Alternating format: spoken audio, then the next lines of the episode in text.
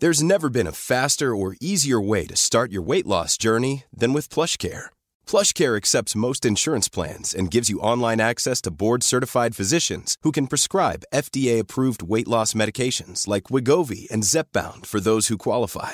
Take charge of your health and speak with a board-certified physician about a weight loss plan that's right for you. Get started today at plushcare.com slash weight loss. That's plushcare.com slash weight loss. plushcare.com slash weight loss. I'm Sandra, and I'm just the professional your small business was looking for. But you didn't hire me because you didn't use LinkedIn jobs. LinkedIn has professionals you can't find anywhere else, including those who aren't actively looking for a new job but might be open to the perfect role, like me.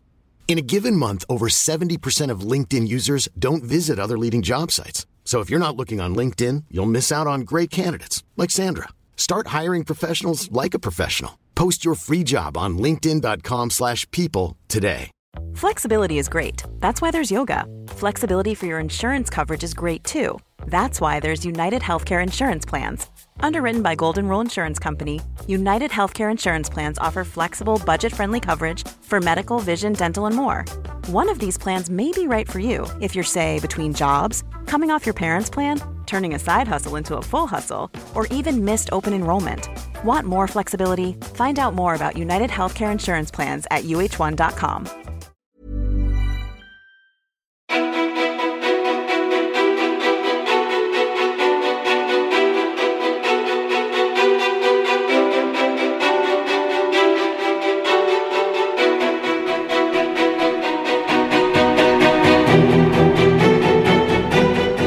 Frida Lund gör succé just nu. Hennes Instagramkonto Goda Grejer har vuxit från 17 000 följare till snart 35 000 följare på bara ett år. Och hon kom nyligen ut med sin första kokbok. Goda Grejer, plockmat, söndagsmiddag, vardag och dessert. Hon driver podden Margarinet med Siri Barje och enligt hennes blogg är hon på gång med ett rörligt projekt om vin. Frida har berättat att Goda Grejer föddes ur att livet var tufft. För några år sedan drabbades hon av ätstörningar som hon nu är frisk ifrån. Hon svälte sig själv tills hon en dag fick nog och skrev ett kontrakt med sig själv. Blir man någonsin helt frisk från nätstörning? ätstörning? Vad utmanar henne i livet som egen företagare? Vem är egentligen Frida Lund? Varmt välkommen till podcasten Ofiltrerat med mig, Sofia Peterfia A lot can happen in three years, like a chatbot may be your new best friend. But what won't change? Needing health insurance. United Healthcare Tri Term Medical Plans, underwritten by Golden Rule Insurance Company, offer flexible, budget friendly coverage that lasts nearly three years in some states. Learn more at uh1.com. If you're looking for plump lips that last, you need to know about Juvederm lip fillers. With Juvederm Volbella XC and Juvederm Ultra XC, your lip look, whether it's subtle or bold, can last up to one full year with optimal treatment and no additional maintenance. Find a licensed specialist and see if it's right for you at juvederm.com today. That's J U V E D E R M.com. Add fullness to lips in adults over 21 with Juvederm Volbella XC or Juvederm Ultra XC. Do not use if you have severe allergies or a history of severe allergic reactions, or if you're allergic to lidocaine or the proteins used in Juvederm. Tell your doctor if you have a history of scarring or taking medicines that decrease the body's immune response or that can prolong bleeding. Common side effects include injection site redness, swelling, pain, tenderness, firmness, lumps, bumps, bruising, discoloration, or itching. As with all fillers, there's a rare risk of unintentional injection into a blood vessel, which can cause vision abnormalities, blindness, stroke, temporary scabs, or scarring. For full important safety information, visit juvederm.com. This Mother's Day, celebrate the extraordinary women in your life with a heartfelt gift from Blue Nile. Whether it's for your mom, a mother figure, or yourself as a mom, find that perfect piece to express your love and appreciation. Explore Blue Nile's exquisite pearls and mesmerizing gemstones that she's sure to love. Enjoy fast shipping options like guaranteed free shipping and returns. Make this Mother's Day unforgettable with a piece from Blue Nile. Right now, get up to 50% off at BlueNile.com. That's BlueNile.com. I'm Sandra, and I'm just the professional your small business was looking for. But you didn't hire me because you didn't use LinkedIn jobs. LinkedIn has professionals you can't find anywhere else, including those who aren't actively looking for a new job but might be open to the perfect role, like me. In a given month, over 70% of LinkedIn users don't visit other leading job sites. So if you're not looking on LinkedIn, you'll miss out on great candidates like Sandra. Start hiring professionals like a professional. Post your free job on linkedin.com/people slash people today. Stål. Hej! Hej! Gud, jag vill gråta. Oj, varför då? Nej, men jag vet inte. Jag är, så, jag är, lite, mm, jag är lite skör, eh, Ja. faktiskt. Alltså jag, det är inte PMS. Jag lever ju väldigt mycket i min cykel. Eh, och jag borde pika nu. Ja. Men jag vet inte, jag bara har en sån här... eh, Det kanske är någon årstidsförändring eller något. Det händer mycket i kroppen. Gud vad skönt att du säger att du är skör. För att jag, vi konstaterade precis att jag kände som att jag hade så här, vad sa du, råttpittar till ögon. Att man så här, har vaknat lite på fel sida och känner sig som att jag inte är i min egen form om du förstår vad jag menar. Som en pepparkaksform som är lite fel. Ja. Den känslan har jag idag. Har du lite samma då i den här skörheten? Nej, mer bara att jag känner så här... Att jag har typ en, en gråt inom mig som skulle behöva komma ut. Jag, jag får så, jag, efter jag fick barn för två år sedan så slutade jag typ gråta. Alltså jag Jaha. var en riktig gråterska innan. Nej, men jag, blev liksom, jag grät alltid lite grann. Ja. Men sen när jag fick barn så bara slutade det. Mm. Eh, Min, för min man blev det tvärtom. Han började gråta och han gråter liksom hela tiden. Ja. Ehm, men jag blev helt ogråtig. Så nu för tiden så är det som att jag typ så här går och smy, alltså så här lite pyspunka ett tag. Och sen så behöver jag bara få ut en, så här, en stor gråt. Typ. Så känner jag. Att jag är lite så här, Så det som du kände nu var att du, att du blev lite röd av introt? Eller var det mer så här, ja. fy fan vad håller jag på med? Nej, nej, det var absolut inget dåligt. Nej, men jag är lite rörd och det, blir, det är ju så konstigt att höra om sig själv. Jag är så ovan. Jag, jag är inte van vid att... ehm, vad ska man säga? Att, att jag är någon person man kan göra ett intro om. Alltså, Ja, förstår du vad ja. jag menar? Absolut. Det blir, det blir så konstigt. Jag känner mig alltid som en sån tönt. Bara så här, vem är jag? Ja. Men, och hur brukar då trigga fram den här gråten? Eller finns det, har du några så här, nu behöver jag ver- alltså, nu tänkte jag jämföra det här med en orgasm. Men liksom, Ja. Du vet, när man, eller när man behöver gå på toaletten, alltså när man behöver få den här utlösningen, oavsett vad, vilken form av utlösning det än nu må vara. Men förstå, att man bara säger release me. Mm, men jag är dålig på det alltså, nu för tiden. Det, jag hade någon sån här grej i somras också. Att jag, hade en, jag kände hur jag behövde, så här, jag skulle verkligen behöva gråta. Men jag orkar typ inte gråta. Alltså, jag känner nu när jag är vuxen. Alltså, kan- jag vet inte, kan du känna igen att det är typ fysiskt jobbigt? Jag Ja. orkar inte få ont i kinderna. Jag orkar inte... Jag, blir så självmedveten om jag gråter. Alltså typ, Ja, nu det- låter jag, eller nu så här, så ser jag ut som att mitt ansikte förvrids. Jag får typ lite så ont i halsen. Jag förstår, du är liksom, det du behöver är den här fulgråten. Alltså där Ja. det verkligen går ända in i märgen och man blir typ ansträngd ner i magmusklerna. För att man Ja. så här, "Åh", du vet den gråten. Ja, men jag behöver att den kommer och jag ska inte behöva göra någonting. Ja. Den ska bara komma, typ. Skölja över. Ja, det kommer säkert någon dag här. Och vad tror du att det är som har gjort att du slutade gråta? För om det här låg väldigt nära till hands Mm. förut. Jag vet inte. Det är som att jag blev... eh, Man blir ju definitivt, eller definitivt skörare när man får barn på ett sätt. Men också så mycket starkare. Mm. Så att, jag vet inte. Mina tårar fick eh, ställa sig åt sidan för hans tårar kanske. Ja, Min det. Men eh, det kanske är sunt att försöka trigga igång det där Ja, men jag fall. Så att tror du inte går och bär på en så här 10 kilos gråtklump i flera år. Exakt. Nej, det blir jättejobbigt i terapin sen. Ja, Eh, verkligen. Nej, men jag ska ta mig en gråt. Ja, eller hur? Men det är intressant, för att jag är, du pratar med en person som eh, alltid haft svårt för att gråta. För att jag har nog känt att jag varit väldigt skamfyllt. Att jag har liksom behövt, eh, du vet, bita ihop och sådär. Ehm, men då är det intressant att den förändringen skedde för dig. För, att, för innan det så du kunde gråta hur som helst eller? Nej, men alltså det är inte så att jag har varit en person alltså en så här, som bara gråter rakt ut. Men jag har alltid... Har jag blivit arg har jag gråtit. Har jag känt mig lite ledsen så har jag gråtit. Eh, och, alltså, rörd blir jag fortfarande på, alltså på, jag kan bli rörd av att se en hundvalp. Mm. Liksom. Eh, men just gråteriet, ja, jag vet inte. Det är väl någonting. Jag vet inte riktigt vad. Spännande. Mm. Och eh, om du ska liksom pinpointa några andra sätt som du har förändrats av att få barn. Vad är det första du tänker på? Alltså jag, jag trodde att mitt tålamod skulle bli bättre när jag fick barn. Mm. Ehm, men det blev det inte. Har du klassat det som, som dåligt innan? Alltså att du inte har Ja. haft så mycket tålamod? Aldrig haft tålamod. Jag, jag, jag har aldrig... Jag har inte varit en person som stannar så mycket vid saker. Jag är eh, inte flyktig, för det låter lite negativt. Men, eh, eller jag kanske är flyktig i så här, saker som inte har med relationer att göra.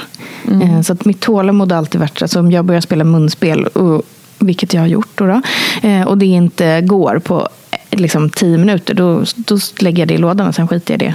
Och så börjar jag spela bandy och så var inte det något kul. Och så, ja. Är det förknippat med den här känslan av att inte vilja vara dålig på någonting? Mer att, ja kanske, fast nästan tvärtom. Alltså om jag inte är, är bra direkt så var, då är det inget roligt. Varför ska jag lägga tid på någonting som känns tråkigt när man kan lägga tid på saker som är roliga? min, min man brukar säga så här, Frida man kan inte ha roligt hela tiden. Eh, Fast alltså, jag förstår ju lite din... eh, Ja, fast kan man det? Alltså, inte, det beror på Nej. vad man menar med att ha roligt hela tiden. Jag tror att han har rätt. Eh, Ja. För att det blir ju lite dumt att kanske aldrig stanna i saker även fast de är tråkiga. Alltså då ger jag bara upp. Jag håller på Ja. och försöker sätta ihop en IKEA-möbel. Gud vad tråkigt, jag skiter i det här. Jag skulle lika gärna på riktigt kunna ställa den i garderoben och aldrig titta på den igen.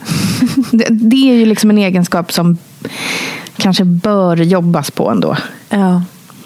Men tänker du att... eh, För det är intressant det här med att så här, jag tänker att många människor vill, man, man vill ju aldrig vara dålig på någonting. Nej. Eh, Men man kan väl omöjligt vara bra på någonting direkt?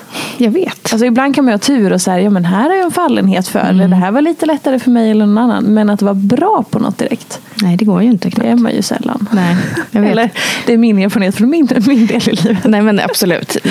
Jag är nog bara väldigt eh, rastlös tror jag. Ja. Eh, Men, men någonting som har förändrats sen jag fick barn. Ja, men intre- jag vet inte, jag har aldrig varit intresserad av liksom andras barn. Och andras, hur andra gör. Men efter man fick ett eget så bara, åh berätta, hur slutade ni med blöja? Det är typ det roligaste jag hört. Ja, men du vet, så här, man, man har liksom fått en helt annan vy ute i livet på något sätt. Ja. Ehm, mitt, jag tror att jag och många andra uppfattar dig som en väldigt glad person. En så grundglad person. Mm. Vad tänker du om det? Mm, jo, men jag är absolut en positiv person. Eh, och 100 procent liksom för det mesta glad. Men det finns också ett väldigt stort mörker. Eh, och jag är väldigt medveten om mitt mående. Jag, Siri brukar säga det som jag har podden med. Att, att eh, hon uppfattar mig som att jag alltid är i kontakt med hur jag mår. Eh, och det kan bli väldigt mörkt i mig. Så har, jag, så har det alltid varit. Eller kanske alltid varit en väldigt eh, upp och nerig människa. Alltså sen jag var litet barn så har jag alltid liksom, vad ska man säga, försökt handskas med eh, ångest och så. Men de här upp och ner grejerna och att vara i kontakt med sig själv. Det låter ju fantastiskt. Mm. Alltså det är inte det det sundaste man kan göra. Jo, men det är väl kanske det. Men att många bara då så stänger av, fortsätter vara glada hela tiden. Fast man inte är det. Men det är så det ska vara, för det förväntas av oss. Mm. Men då är du lite mer i allting. Eller? Ja, precis. Och jag tror att efter jag fattade det var kanske när vi, när vi försökte skaffa barn då. Så vart jag så väldigt medveten om min menscykel. Eh, och eh, innan har jag nog trott ganska mycket att jag bara är en person som antingen är väldigt glad eller väldigt ledsen och inte har ett så här, inte så mycket ett mellanläge utan det är alltid av eller på. Eh, men då förstod jag ju att jag är en kvinna som lever i en menscykel och eh, är väldigt påverkad av den. Så att jag liksom flyger fram två veckor i månaden mm. och sen eh, blir det liksom mörkare och mörkare efter ägglossning fram till liksom mens. Så att jag har nog eh, i min barndom så var ju inte ångesten kopplad såklart till min menscykel. Men efter liksom den trädde in i mitt liv så tror jag att den har varit väldigt, så på, jag har varit väldigt påverkad av den på något sätt. Jag kan ju nej men jag, jag bokar och fixar så mycket grejer under mina de här två bra veckorna. Så jag flyger verkligen fram och bara Jag är så snygg, jag är så kul, allt är så bra och du är härlig och du är härlig och ska vi äta middag och bla bla bla. Och sen bara Åh oh, nej, vad har jag gjort? Vem är jag? jag tar tillbaka allt. Exakt. Usch. Ja. Oh my god, jag relaterar så hårt. Mm. Det, det borde vara fler eh, borde bli medvetna. Alla är ju inte så liksom, drabbade av sin cykel. Men jag tror väldigt många kvinnor är det. Mm. Utan att veta att det är det som är grejen. Och att, få, att ge det, eh, ge mig själv den kunskapen. Också kring så PMS eh, och hur mycket det förändras också sen jag fick barn. blivit mycket värre. Att, att liksom landa i det och vila i att men jag är en person som är väldigt påverkad av det. Mm. Eh, och nu har jag faktiskt till och med börjat käka medicin för min PMS för den har blivit så kraftig. Ehm, och det ser jag som en, det låter kanske flummigt, men en, så här, en gåva till mig själv och till min familj. Mm. Eh, att jag inte ska vara liksom locko eh, en vecka i månaden. För det är inget kul för någon. Det tar oerhört mycket energi. Hur började du märka att det var en sån otrolig skillnad efter att du fick barn? Nej, men jag, jag blev nog bara väldigt arg. Alltså jag har lidit av, som jag sa, jag har haft mycket ångest i mitt liv och sådär. Under PMS innan så kanske man har känt här, ja, men man är lite värdelös. De här klassiska känslorna. Man blir lite paranoid. Ens kompisar hatar en ju lite. Eh, och man är ful och det är ditten och datten. Mm. You know the drill. Mm. Men, men efter eh, Florens, min son, kom så var det som att det istället gick över till att vara en helt alltså så rabiat ilska. Både på min man och på mitt barn. Och till slut kände jag bara så här, jag kan inte liksom smälla igen dörren i fejan på min tvååring. Det är inte okej. Okay. Mm. Jag måste ta tag i det här. För det här är, det här är inte sunt. Och då gjorde jag det. Och gick till min läkare och fick ett antidepressivt eh, eh, vad heter det? tablett. Som man tar. Och det är så häftigt. För man, det är ingen insättning eller utsättning. Man tar dem bara de dagarna man har den här äh, kraftiga PMSen. Jag har inte det i två veckor utan det kanske är så här, två dagar där och två dagar där.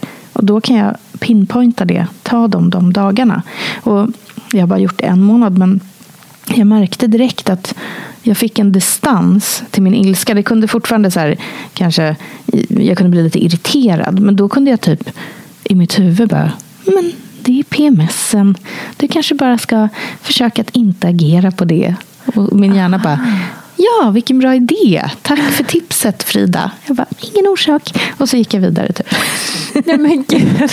Åh, gud. Nu blir jag lite rädd. Gud, jag har också en PMS tror jag. Jag måste kolla var jag befinner mig. men vad fint att ha den lilla så här, dialogen med dig själv.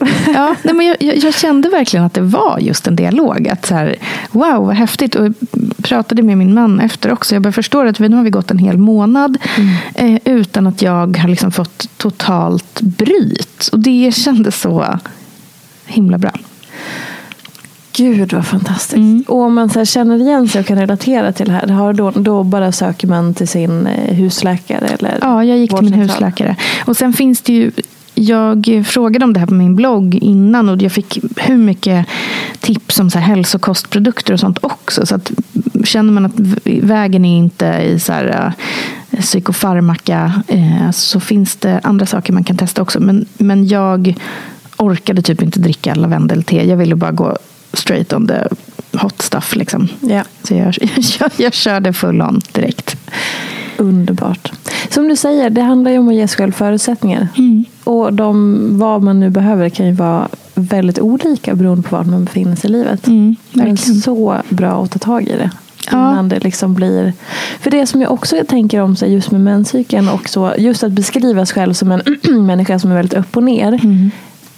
Det fin- eller min uppfattning, för jag har också alltid beskrivit mig så. Och typ jämfört mig med människor som är lite mer La di da di da di da. Du vet, lite hela tiden. Det bara är liksom som en så här jämn... Allting är jämnt. Och så har jag känt mig lite dålig. Och som att det är lite skamfyllt att jag då ena dagen känner att jag kan flytta berg. Jag är liksom amazing. Och nästa dag så börjar jag hatar mitt liv och allting suger. Det kan ju vara så. Det kan ju vara lite, mer, lite mindre också. Men att det är så här, man, blir, man kan känna sig ganska utsatt när man är så ah, men du är så känslig. Eller du är det här. Eller att det blir liksom också en del av ens personlighet. När det kanske snarare handlar om de fysiska reaktionerna i kroppen. Mm, ja, men 100 procent. Jag, min, hela min skolgång eh, liksom var styrd av att mina lärare sa att jag antingen var alldeles för känslig eller alldeles för sprattlig och pratig. Det, det var liksom, det, jag är uppvuxen med att eh, känslig är dålig och eh, min rastlöshet som jag hade liksom även i skolan och inte kunde vara still och sånt var dåligt. Så att, och jag vill verkligen jag kommer ihåg att när jag, innan jag blev egenföretagare nu och sökte mitt senaste jobb så skrev jag i mitt CV att jag var känslig. Eh, för jag tänkte så här, fan, det får liksom inte vara en dålig egenskap. Det är väl jättebra att vara känslig, tänker jag.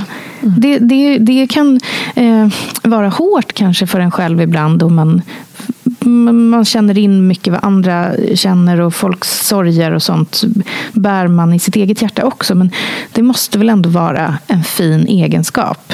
Så att på min arbetsintervju så bara, ja, och så har jag skrivit jag är känslig. Och de bara, mm, berätta mer. Jag bara, nej, men jag är det. Och jag tycker det är bra. Ja. Eh, Jag fick jobbet. Ja, det var min nästa fråga. Så fick du jobbet? Jag fick jobbet. Ja, men för det är så intressant också just med ordet känslig. För, Mm. för mig klingar det väldigt negativt. Och så vill jag alltid så här, jag tycker inte att innebörden är negativ. Men jag vill alltid göra om det till att så här, istället för att säga ordet känslig så börjar jag men inkännande. För Mm. det låter mer positivt. Och det är också helt knäppt. För då känslig, varför ska det vara negativt? Ja, men tänk, är det inte hemskt att bara, jag är okänslig. Ja. Jag är avstängd. Jag är helt okänslig. Det, det är ju inte en supermysig egenskap. Så att jag tycker verkligen att man ska få vara det. Och det är helt okej. Du uppfostrar ju en eh, man nu I livet. Ja. Hur känns det? Eh, s- som en stor utmaning. Ja. Jag eh, kommer ju med all min makt tillsammans med min man att uppfostra honom eh, med våra värderingar. Eh, vilket är att alla människor är lika värda. Och, men det är, kommer vara en utmaning för jag vet också, jag har vänner som sitter på de här eh, värderingarna om jämställdhet och kvinnor och män och allting som har söner som är liksom 10, 11, 12 år och de kommer från trygga familjeförhållanden och sen så kommer de till skolan och där finns det andra som inte har det. Ehm, så det jag försöker tänka är att ge honom en så trygg och kärleksfull uppväxt som möjligt. Att prata om eh, sexualitet, om kvinnor, om liksom stopp min kropp. Allt sånt från ganska tidig ålder. Och sen så får man typ bara hoppas att hans grund är det.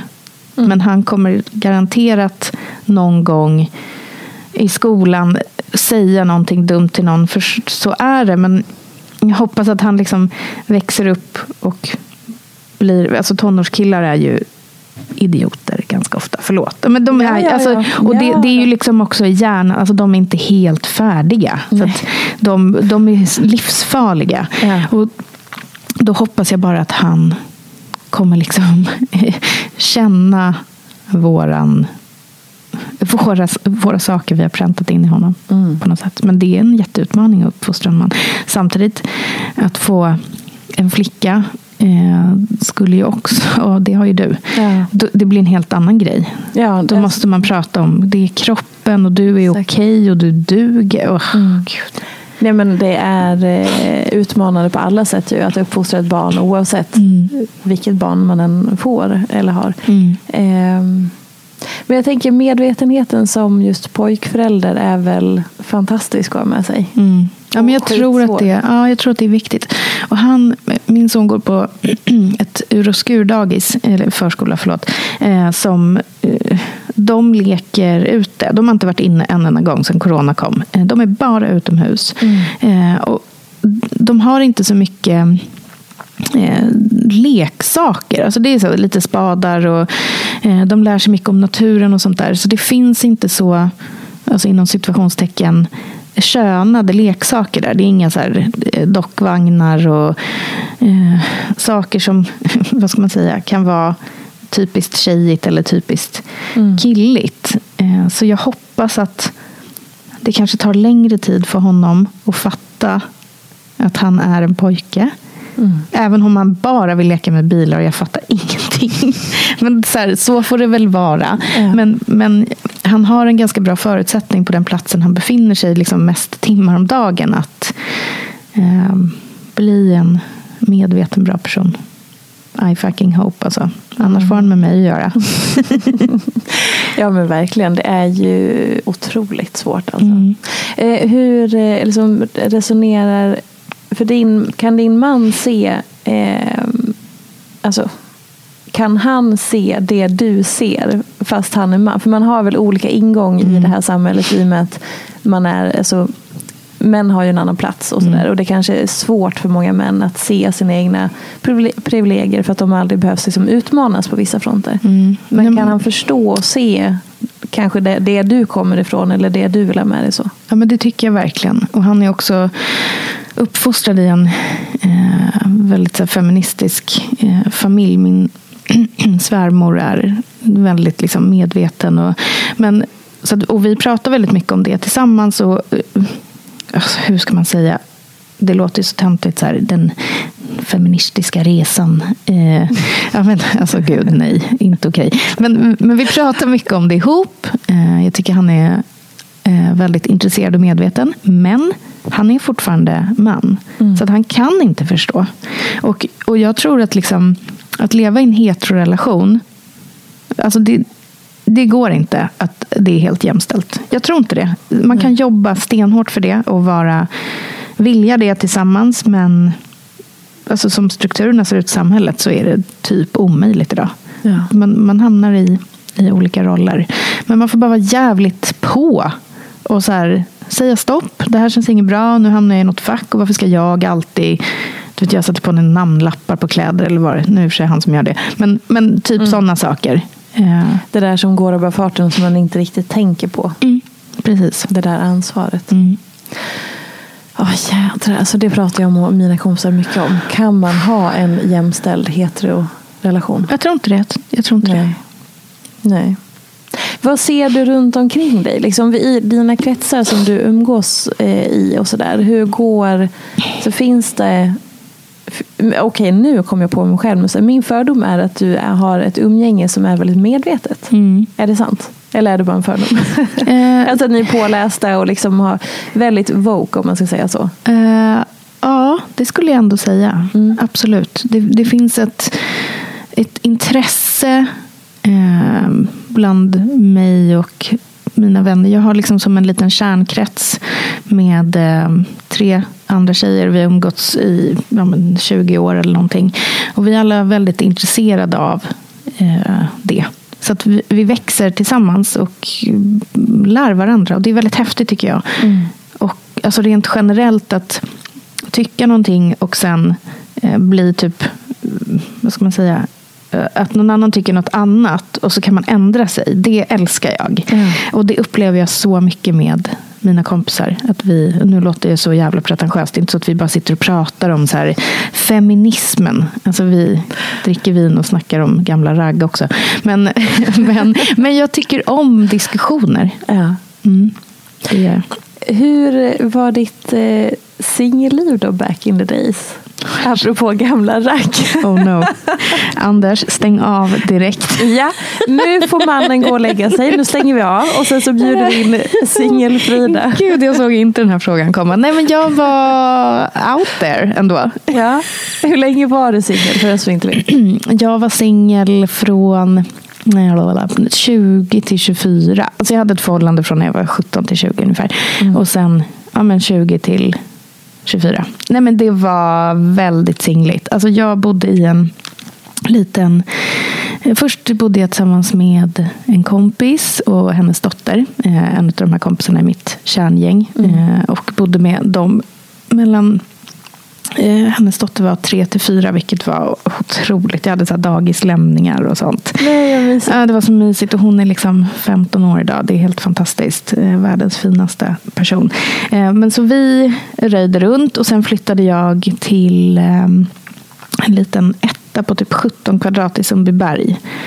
Där jag rökte inne, var lite så emo-aktig. Jag spelade typ Lars Winnerbäck högt ur min CD-spelare på kvällarna. Gick ut, eh, ja, men så här, raggade upp någon, gick hem. Ja, men det, var, det var fest. Väldigt ja. mycket fest. Ja. Extremt mycket. Jag kan titta på bilder och bara, du drack mycket öl. Alltså jag, jag var liksom, det är så lite mysigt ölplufsig.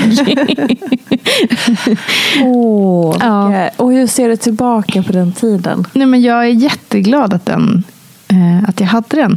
Eh, samtidigt var min pappa sjuk under en del av den tiden och sen eh, gick bort. Men om jag bortser från liksom det så var det så jävla roligt. Och bara, alltså det var så obekymmersamt. Mm. Jag gick ner på Donken och så här, jag har 18 kronor kvar av lönen. Jag köper en cheeseburgare. Ja, så är det med det. Typ. Alltså, det, det, var så. Jag och en kompis pratade faktiskt om det igår. Hur man trodde sig ha problem när man var typ 20. Eh, och så, så här, klipp till idag. När verkligheten är lite tuffare på ett ja. eller annat sätt. Eh, men det var jävligt roligt. Jag skulle eh, typ inte orka vara singel igen. Jag hoppas aldrig att eh, vi skiljer oss. Men det är också för att jag är väldigt kär i min man. Men, men det var sjukt kul att ha haft den där perioden och inte känna typ så här, att jag inte har gjort alla grejer jag ville göra. Tror du på eh, livslång kärlek? Ja, det gör jag. Jag såg ju min mamma och pappa, som, ja, nu vet man ju inte för att, eftersom min pappa gick bort, men de var gifta i 24 år.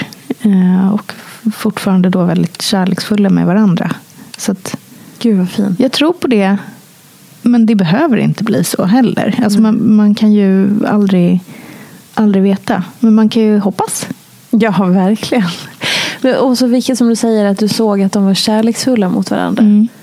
Undra om inte det är hela grejen. Mm. Alltså om man ska koka ner det. Att, att, hur man ser att sina föräldrar är mot varandra mm. i sin relation. Oavsett om de lever ihop eller inte. Mm. Och liksom vad de har för kemi eller liksom uttryck. Mm. Nej men verkligen. Och jag försöker tänka på det faktiskt. Att, för att när man är eh, småbarnsförälder så är man ju trött. Alltså, så är det. Och jag var lite naiv innan vi fick barn Eh, och tänkte så här, men vi kommer vi kommer fortfarande ha eh, jättemycket mysiga middagar. Vi kommer ligga hela tiden. Vi, vi kommer liksom inte bli så där trötta. Klipp till två år senare. Man sitter och stirrar ut i soffan och bara hjälp mig. Eh, men jag försöker väldigt mycket att, att eh, så här, vara en, jag är en ganska fysisk person så jag tycker om att kramas. Och försöker göra det mycket med min man framför min son. Och att han får se att vi eh, tycker om varandra. Mm. Och samtidigt får han också se när vi eh, inte liksom är, jag står inte och skriker, vi står inte och skriker på varandra framför honom, men att man så diskuterar, tänker jag också är ganska viktigt att man kan göra. Mm. Framför, för mina föräldrar bråkade aldrig. Alltså aldrig, aldrig, aldrig. Eh, och jag trodde ju, när jag sen hamnade typ i min första relation att om man bråkade då var det ju slut på en gång. Ja. Så jag, tycker att det är viktigt också att ge sitt barn typ en sund relation till att man faktiskt kan vara osams och så kan man bli vänner. Mm. Verkligen. Blev du konflikträdd av det? Mm, det tror jag faktiskt. Det, eller, eller framförallt fick jag nog väldigt mycket eh, att jag, att jag eh, var väldigt rädd att saker och ting skulle ta slut. Om, alltså med vänner, med killar. Att så fort man blev osams, då tänkte jag så här, men det, det har jag typ aldrig sett. Så då betyder det väl att det är över på något vis. Jag tror att det är så jävla vanligt. Mm, absolut. Vi är jättedåliga på att bråka i det här landet. Ja, men och kanske framförallt så här, våra föräldragenerationer. Ja. För att de var, för mig i alla fall, så var mina föräldrar eh, bara en mamma och pappa. Alltså bara, de var mina liksom, bästa personer. Men jag såg inte dem i sammanhang där de inte var mamma och pappa. Eh, och, och det försöker jag också tänka på mycket. att så här, eh, Florens ser att jag drar iväg ofta. Jag, mamma ska dra ut med sina kompisar eller jag ska på det här. Eller nu gör vi det här och min man sticker iväg och gör sin surfgrej eller vad det nu kan vara. Att inte vi alltid bara är eh, föräldrar. Förstår du hur jag menar? Att det är viktigt absolut. att så här, om, om jag fortfarande är egenföretagare när, när han blir större men då vill jag att han ska veta det. Att så här, Jag jobbar och det är också viktigt. Eh, han ska såklart känna att för honom är jag alltid hans mamma och hans trygga punkt. Men ja, jag vet inte. Jag, jag kan, vad ska man säga? Jag, jag kan bli så nyfiken på min mamma utanför moderskapet på något sätt. Gud ja. Det Så är... de också typ så här sa de också så här kuken, nu fan. Alltså, eller, förstår du? Alltså, Ja. det, det var så annorlunda då. Satt de och pratade, satt mamma och hennes polare och pratade om gamla ligg. Garanterat. Ja. Men aldrig så att barnen skulle få se eller höra. Nej. Nej, de var ju bara föräldrar. Mm. Och det var ju som ett stort uppvaknande till när man insåg, när man var lite äldre, att åh herregud, de är egna människor. Jag vet. Jag de är vet. personer. Ja. Va? Och de kan inte allt. Nej. De vet inte allt. Jag vet. Och det är jätteintressant. Jag, jag, jag vill verkligen veta mer om Och har du, kan du liksom ha den typen av samtal då med din mamma nu? Att så här, men du, kan inte du, eller är hon också lite så som jag skulle säga min mamma är? Att så, äh, men det där gamla. Mm, Nej, alltså jag ehm, tycker vi har en väldigt så här, och vi har ändå alltid haft en ganska öppen relation så eh, och kunna prata om mycket saker. Men jag kanske borde fråga henne ändå om något gammalt ligg. Ja men eller hur? Mamma, kommer, hon kommer lyssna på det här. Nu, ring mig sen och berätta om den här militären på Kreta. För det vet jag har hänt. Oh my god, gud vad spännande. Ja. Kan inte hon så ringa in? Men jag tror att det, du är nog inne på något väldigt sunt här. Eh, gud, vi använder ordet sunt. Varsågod, jag, jag upplever dig som en sund person. wow. Grymt. Nej, men att det är så här, sunt att ha att, att man inte bara är förälder. Både för sina barn men också för sin egen skull. Ja, men för mig är det superviktigt. Jag har liksom eh, alltid, jag har inga eh, syskon och en väldigt liten familj. Jag har bara min mamma och sen har jag eh, släkt uppe i Skellefteå. Mm, Så att mina vänner, mina närmsta vänner har alltid varit min fa- familj eller min liksom valda familj. Eh, så att jag har alltid gjort väldigt mycket saker med mina vänner och då kanske det skulle kunna ses som att jag ja, men, eh, gör mycket grejer ofta, men om man tänker på hur andra träffar sin familj. Så ser jag det. Ehm, så att, ja, jag vet inte. Jag, eh, jag kommer inte ens ihåg vad vi pratade om. Men, men det är viktigt att, att inte bara eh, vara den här moden, utan Exakt. också att få sin egen tid. Och för mig har det verkligen behövts. Och jag måste säga att vi nu har vi bara ett barn eh, och det är väl ganska lätt då. Men att vi har aldrig liksom nekat varandra tid utanför hemmet. Utan snarare pushat varandra till att ta det. Och det är också, när man lever i en parrelation, förlåt, men det är också så skönt ibland att få en egen kväll. Alltså nu, ja, lägga barnet och sen bara, ah, nu ska jag kolla på Bachelor, ingen som stör, jag ska käka mitt lilla godis. Ja, men du vet, det är Ja. ganska mysigt. Hur upplever du mammarollen? Men eh, den blir ju som klyschan säger mer och mer utmanande Mm. eh, hela tiden. Jag eh, inser mer och mer att mitt jobb kommer vara att uppfostra en människa. Och det är svindlande tycker jag. När, när de är små knyten då handlar det ju mer om liv och död och att de ska få mat och omtanke och kärlek. Det ska de ju få alltid. Men eh, jag tycker den på något sätt är så naturlig. Alltså så självklar. Men ändå så kan jag få sån kraftig svindel när jag tänker på att det liksom jag säger och gör, det har impact i hans liv. Alltså Mm. shit, pommes frites. Nej, men jävlar. Ja, det är läskigt. Men samtidigt är jag så fruktansvärt tacksam över den. eh, Och att han kom till oss och att det var han. Efter all väntan så var det han. Alltså, det är klart att det var han. Ja, Det är så fint. Och det är så otroligt kul att ha en tvååring som pratar. Alltså, nu, jag kan inte riktigt påstå att jag tyckte att så här spädbarnsgrejen kanske var jättekul. Eh, absolut mysig, men nu är det roligt. Alltså någon som bara sprutar ur sig nya ord. Alltså man sitter bara så här, vad säger du? Vem är du? Och, och jag är så intresserad av vad han vill säga. Ja. Han måste liksom ha så mycket så uppdämd grejs i sig som han har väntat på att säga i två års tid. Och nu kommer det. Det är så roligt. Det är fantastiskt. Mm. Det är så fantastiskt. Det är så roligt. Min dotter har precis börjat ge, ge komplimanger. Så Nej, hon kan säga Mamma vad fin du är. Och man bara, Nej men Så- gud vad jag gulligt. dör nu. Ja, men det är ofta, alltså det är mycket Ja. sån här att man liksom bara, åh herregud, nej, nu bryter jag ihop Ja. för att det är för gulligt. Ja, absolut. Eh, men en annan sak jag tänkte på, eh, om man börjar så apropå det, så här, mammarollen och så, men sen så också så blev du, har ju du relativt nyligen blivit egenföretagare.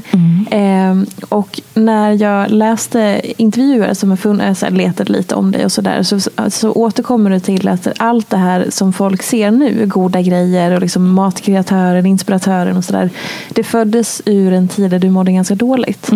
Kan du berätta lite om det? Nej, men, dels, alltså det, jag startade mitt konto 2017. Eh, mm, så här ett par år in i vår eh, barnlöshet, ofrivilliga barnlöshet. Eh, jag hade fått hade jag fått det andra miss? Nej, jag hade fått ett missfall.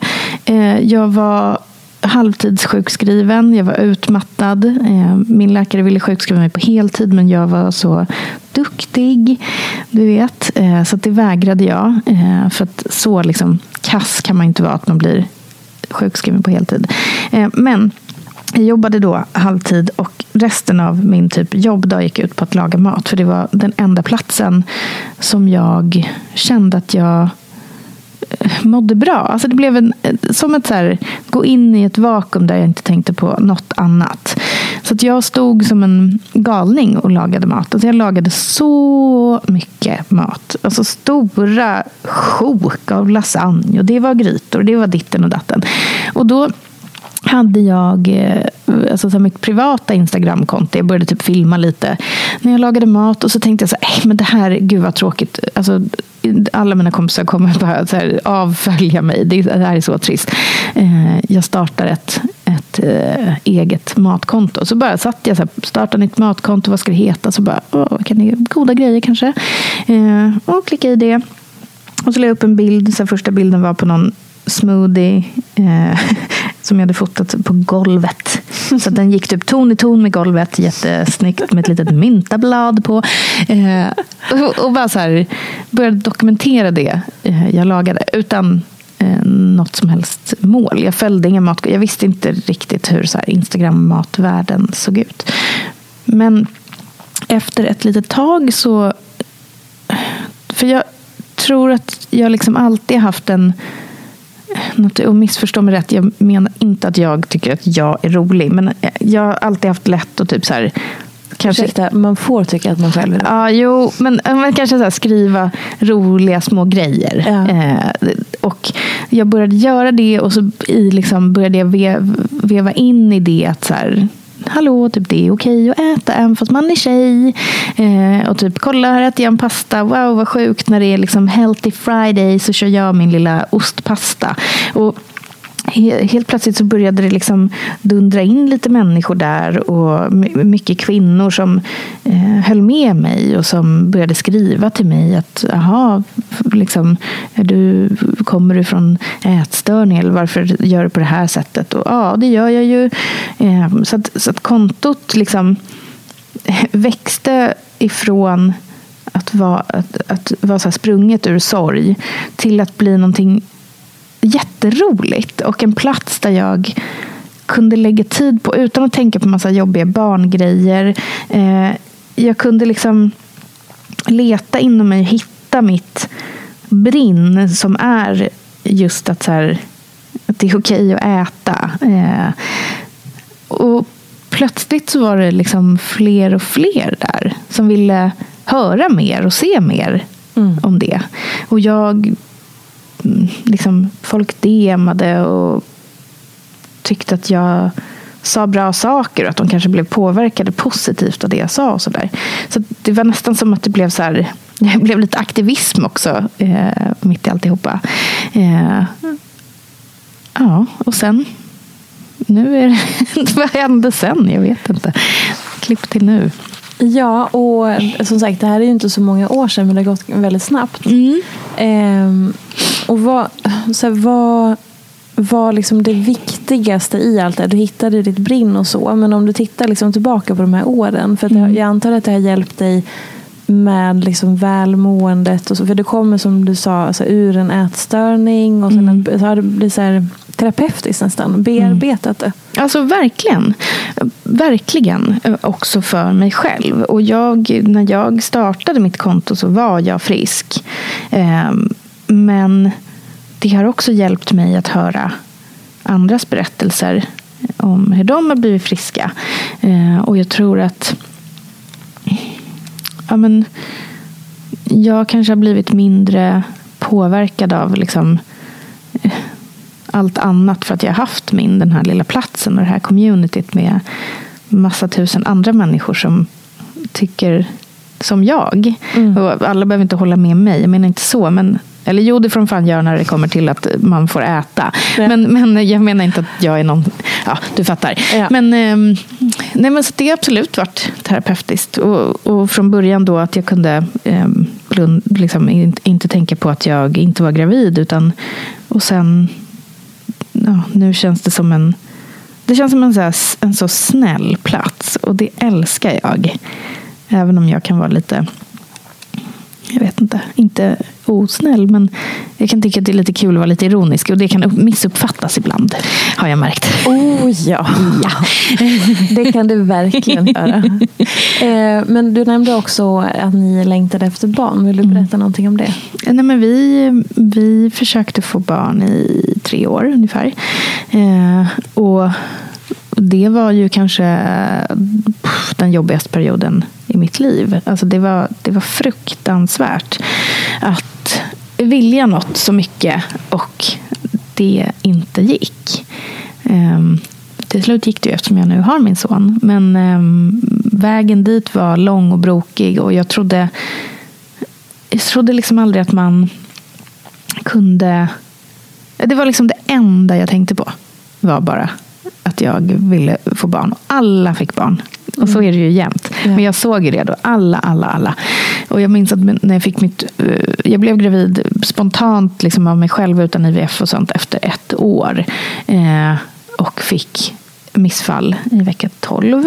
Eh, och då var min dåvarande chef gravid och hade typ samma BF-dag som mig. Så att jag såg Oj. hennes Nej. graviditet bara fortsätta när min slutade efter det. Och det var... Uh, Fan, det var helt... Nej, men alltså det var, jag kan nästan inte prata om det, jag börjar gråta. Det var eh, så otroligt hemskt att se liksom ett liv släckas och ett annat bara fortsätta. Det var... Fy fan vad hemskt av den som bestämde det. Ja, men att verkligen. du skulle behöva gå igenom det. Alltså just att ha det. Nej. Ja. Nej, men det var, det var, det var fruktansvärt. Och jag, jag hade också en, en, en, en av mina närmsta vänner som gick igenom samma sak som jag. Vi delade det. Och sen blev hon gravid och inte jag. Och det mm. var också en så... Jag kände så här, jag kände så mycket eh, jag såg så mycket sidor hos mig själv som var liksom rent ut sagt onda. Som jag inte hade jag visste inte att de fanns i mig. Alltså jag var så missunnsam. Och de, liksom, de här fula känslorna av avundsjuka, eh, missunnsamhet. Eh, men alltså, det, var, det var mörkt. Eh, vi är jätte, jätte nära idag igen.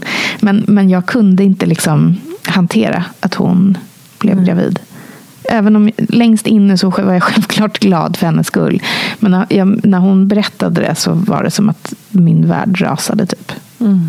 Det är ju det är mörkt att prata om. Alltså. Men, men jag tänker att det är väl det mänskligaste som man kan gå igenom också. Ja, och framförallt vanligt. Och man vill också, jag vill också så här, stigmat kring det och tabu. Jag, jag, förstår att man inte pratar om ofrivillig barnlöshet när man är i det. För att det jag kände var att när jag berättade för någon eh, så fick jag också deras förhoppning på mig efteråt.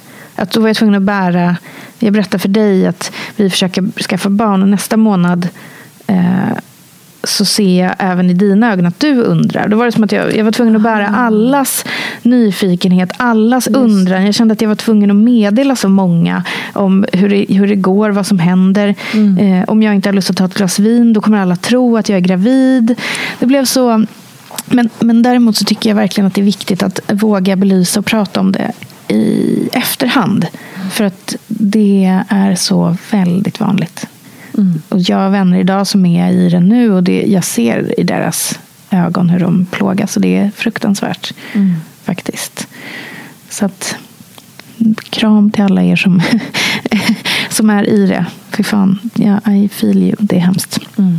Men jag, jag fick liksom, och det här tror jag nämnt förut också flera gånger, men jag satt på middag en gång och då, det var tror jag efter mitt eh, andra, eh, första missfall, och då sa Lina Thomsgård till mig. Hon bara, Frida, alla jag känner som har försökt har lyckats till slut. Och då, det var liksom den enda av alla råden jag fick. För folk kom med väldigt mycket råd. Alltså det var åk till Barcelona på weekend.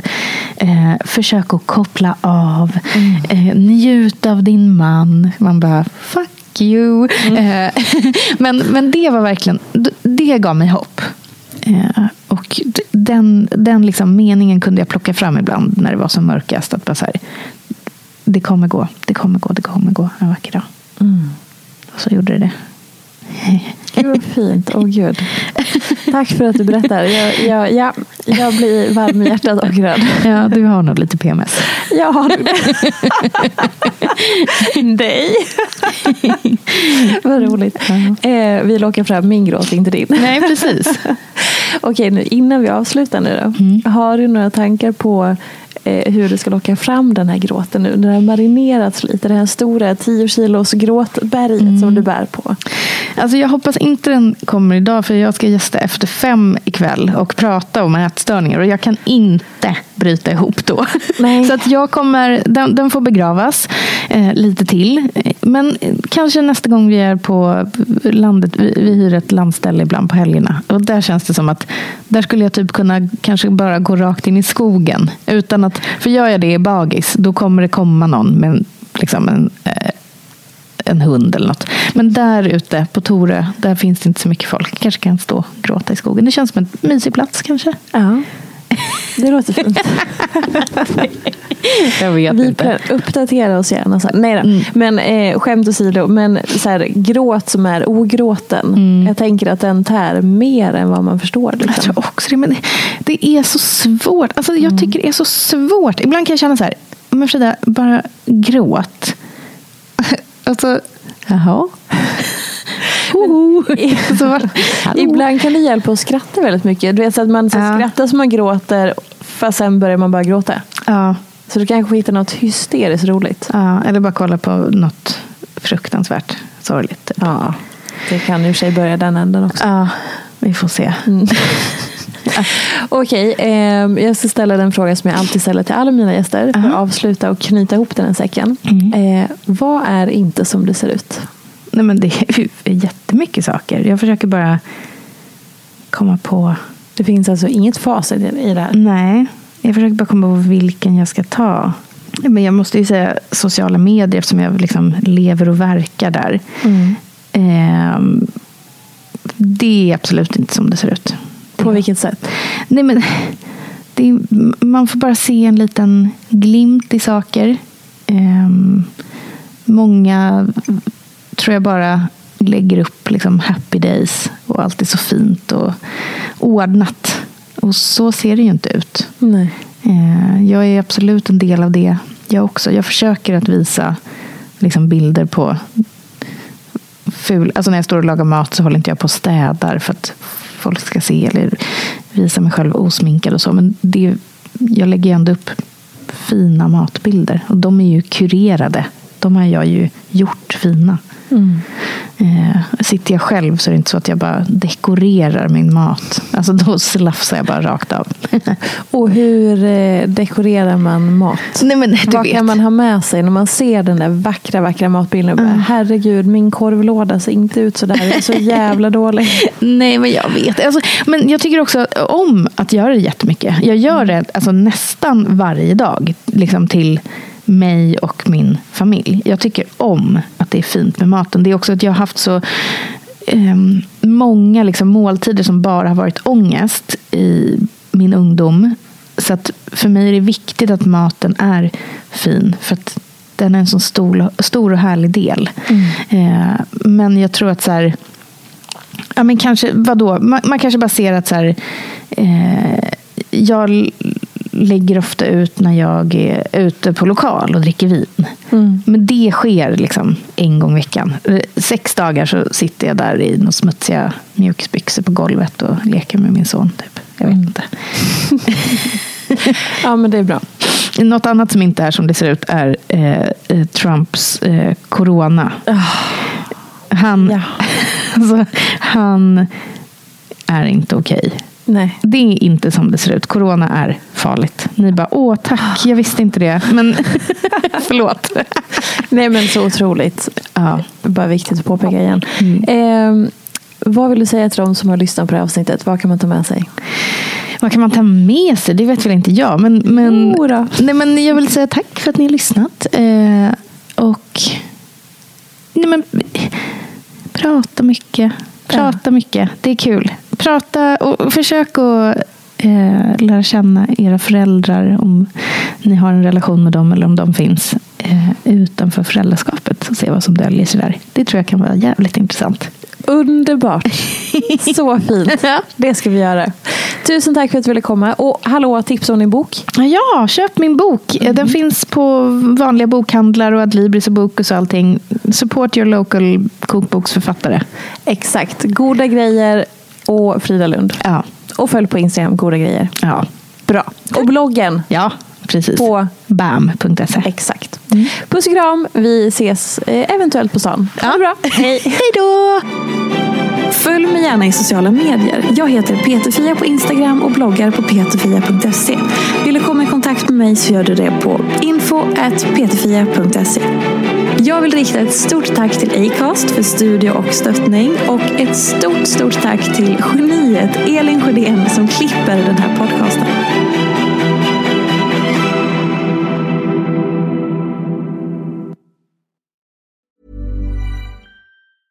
Planning for your next trip?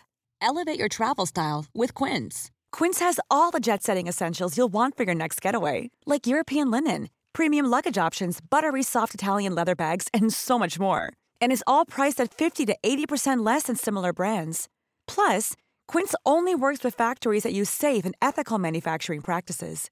Pack your bags with high-quality essentials you'll be wearing for vacations to come with Quince. Go to quince.com slash pack for free shipping and 365-day returns. Normally, being a little extra can be a bit much, but when it comes to healthcare, it pays to be extra. And United Healthcare makes it easy with Health Protector Guard fixed indemnity insurance plans. Underwritten by Golden Rule Insurance Company, they supplement your primary plan, helping you manage out of pocket costs without the usual requirements and restrictions like deductibles and enrollment periods. So when it comes to covering your medical bills, you can feel good about being a little extra. Visit uh1.com to find the Health Protector Guard plan for you.